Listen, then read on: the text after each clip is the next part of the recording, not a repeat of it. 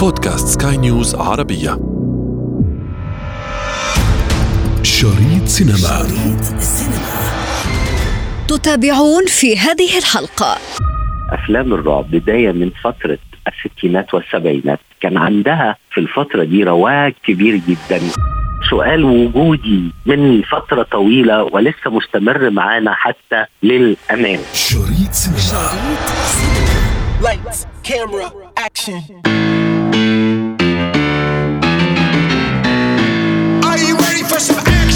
كعادتنا من كل عام وكجزء من تقاليد وأعراف بودكاست شريط سينما لابد لنا أن نلقي نظرة على كافة الأفلام الخاصة بعالم الرعب. فجمهور الرعب واسع وكثيف. أنا ابتسام العكريمي وهذه حلقة جديدة من بودكاست شريط سينما عن أفلام الرعب المنتظرة في الفترة القادمة. لا تفوتوا الأمر. شريط سينما.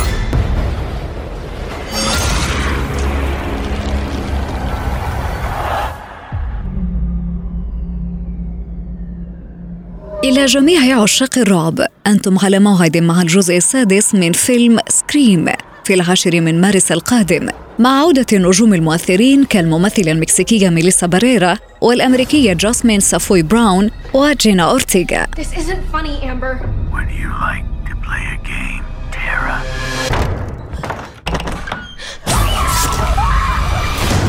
بعد النجاح الكبير الذي شهده الجزء الخامس الذي طرح في العام الماضي الناقد الفني أحمد سعد شرح لنا الأسباب التي جعلت هذه السلسلة تنال إعجاب الجمهور. أفلام الرعب بداية من فترة الستينات والسبعينات كان عندها في الفترة دي رواج كبير جدا ولو نفتكر أو بعض المستمعين اللي بيسمعونا يفتكروا زمان سلسلة دراكولا. كانت صعبة شوية وكانت جميلة والناس بتحبها لكن جه تطور تقني بشكل كبير فترة الثمانينات والتسعينات وطبعا الفترة الحالية أفلام الرعب في ناس بتحبها أو في شريحة عمرية بتحبها ليه؟ لأنها نوع من الغموض الغير طبيعي بالإضافة إن الخيال الخصب الموجود في.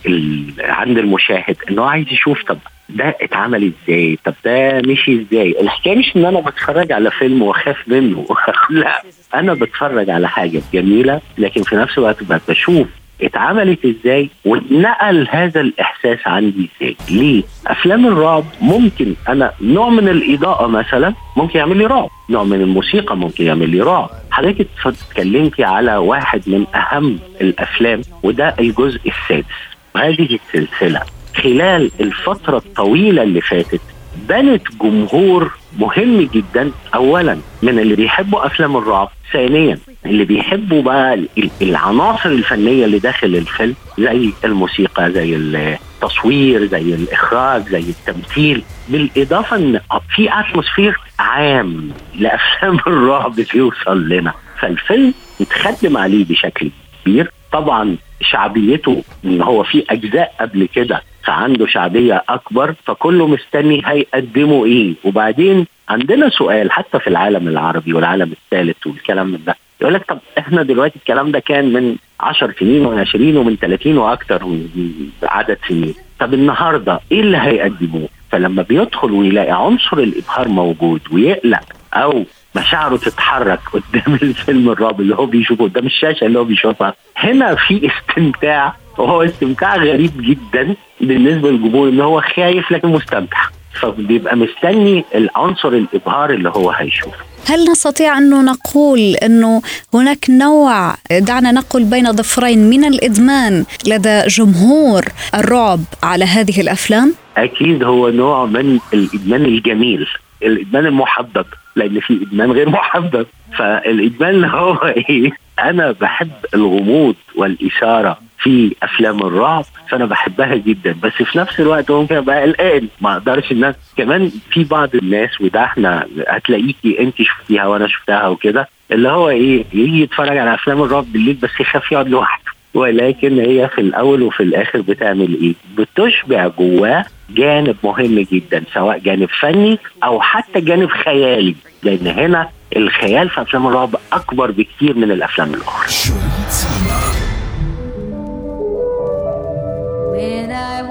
Just a little girl, I asked my mother, What is this, Danny? I found it.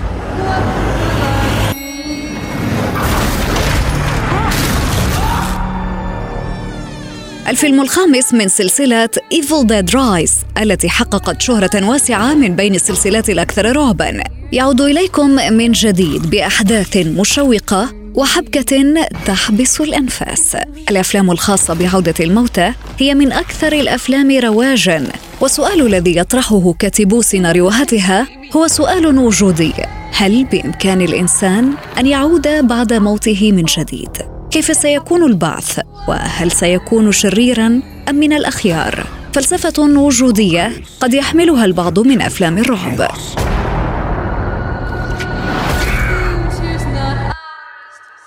هذا السؤال سؤال وجودي من فترة طويلة ولسه مستمر معانا حتى للأمام ليه؟ أنا صادفت بعض المثقفين والكتاب الكبار يقول لك طب والحياة بعد الموت ممكن تبقى إزاي؟ هل الإنسان ممكن يرجع؟ هل ممكن الإنسان اللي في العالم الآخر اللي هي في عالم الموت هل بيشعر بالآخر الموجود على الأرض؟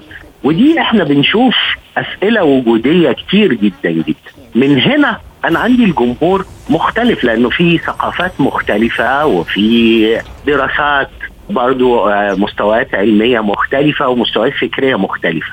في بعض المستويات الفكرية دايما بتفكر ما بعد الحياة. يعني على مستوى العالم العربي سنة 48 49 يعني إحنا بنتكلم في 75 سنة فاتوا جه المخرج يوسف شاهين وعمل فيلم اسمه بابا أمين وإزاي بيفكر في العالم الآخر والعالم الآخر ده ممكن يرتبط بالعالم اللي إحنا عايشينه ولا لأ وحاجات كده. يعني اذا الفكرة قديمة. لكن مع تطور السنين ابتدينا نناقشها بشكل فلسفي شوية وشكل جماهيري شوية. طبعا مع الإبهار اللي إحنا وصلنا له من التكنولوجيا بالنسبة لصناعة السينما فعندنا مساحة إن إن إحنا إيه نناقش الموضوع ده. يجي بقى الجمهور عشان يدخل الفيلم. الجمهور هنا اللي هيدخل الفيلم ده بيحب الفلسفة أكتر واللي بيحب يفكر واللي بيحب إيه يحس إن عنده مستويات فكرية أكبر بكتير من الجمهور اللي عايز يتسلى.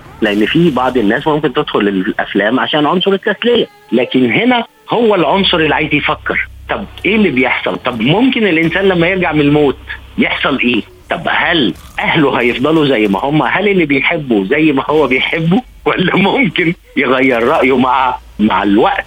الجزئية دي برغم إن هي كلمات بسيطة إلا إنها مؤثرة جدا وبتخلي المخ دايما يفكر يشتغل. طب وبعدين؟ طب وهيحصل إيه؟ وهيمشي إزاي؟ حتى في الأفلام العربية. أحمد حلمي عمل فيلم كده بهذا الشكل من حوالي كام سنة اللي هو إزاي لما مات وبعدين يرجع تاني فبيشوف مراته وولاده ويعمل إيه. تخيلي بقى لما السينما العالمية وهوليوود تحديدا تناقش هذا الموضوع بكم الإمكانيات المادية والتقنية. المبهره تناقش هذا الموضوع بالتاكيد هيبقى في اختلاف كبير وهيبقى في عنصر جذب وتشويق بشكل كبير جدا فليها رواج هذه النوعيه من افلام السينما?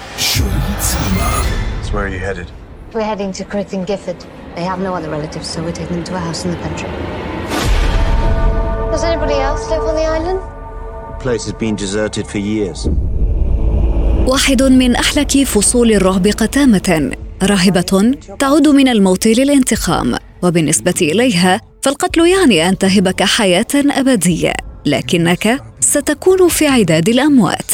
نتحدث هنا عن الجزء الثاني من فيلم ذنون الفيلم ده تحديدا فيلم الراهبه تحديدا يمكن نجح في الجزء الأول بشكل كبير لكن لما بنيجي نمسك عناصر النجاح أول حاجة هم عاملين شغل مختلف. يعني إيه؟ الراهبة مش الراهبة دي عنصر أساسي في المحبة والسلام والسكينة. يعني ده هي راهبة ده الطبيعي. لكن لما غير في المنتهي بتاعتها وخلاها إن هي ماتت بشكل ما ثم عادت للانتقام هي كلمة العودة للانتقام بتثير عند الجمهور يعني شغف كبير. ليه؟ لأن إزاي واحدة من محبي السلام في العالم هي اللي هترجع عشان تنتقم تستخدم أدوات مختلفة جدا بعيد تماما عن عالم الراهبات فهنا هو عامل جزء من الفانتزي في الفكرة لكن في نفس الوقت متناولها بشكل رائع. هذا التناول الجميل هو اللي بيجذب الجمهور بشكل كبير جدا بالإضافة لنجاح الجزء الأول. فأكيد إحنا عايزين نشوف بقى الجزء الثاني هيحصل إيه خاصة إن عالم الراهبات بالنسبة لنا عالم صعب شوية ما بندخلش جواه لأن إحنا مش داخلين جواها بشكل كبير. إحنا دايما بنتعامل مع الراهبات من على بعد من الخارج مش من الداخل. فهو بيفتح لنا بقى سكة إن إحنا نشوف هذا العالم. هل العالم ده عالم زي الناس الطبيعية اللي بتمشي في الشارع اللي هي بتحب وتكره ولا ولا هي ماشية بشكل واحد؟ طب إيه اللي حولها وبقت منتقم؟ ده برضو بعض من الأسئلة المهمة اللي تثير شغف الجمهور فيحضر الافلام وينجح وتنجح الفيلم sure there's nobody else living here? I think you should keep your visions to yourself.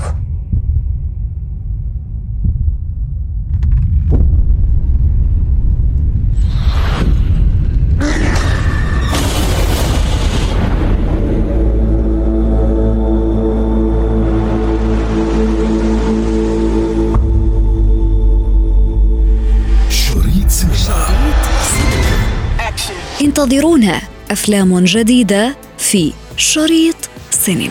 وإن كنتم من عشاق عالم المغامرات بإمكانكم دائما الاطلاع على آخر القصص في بودكاست العم سام شريط سينما سينما.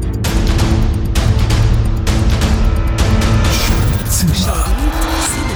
وفي ختام حلقتنا نذكركم بمتابعتنا والاستماع لنا عبر منصة البودكاست لسكاي نيوز عربية وباقي منصات البودكاست الأخرى. كنت معكم في الإعداد والتقديم أنا ابتسام العكريمي وكان في الإخراج نويل بولس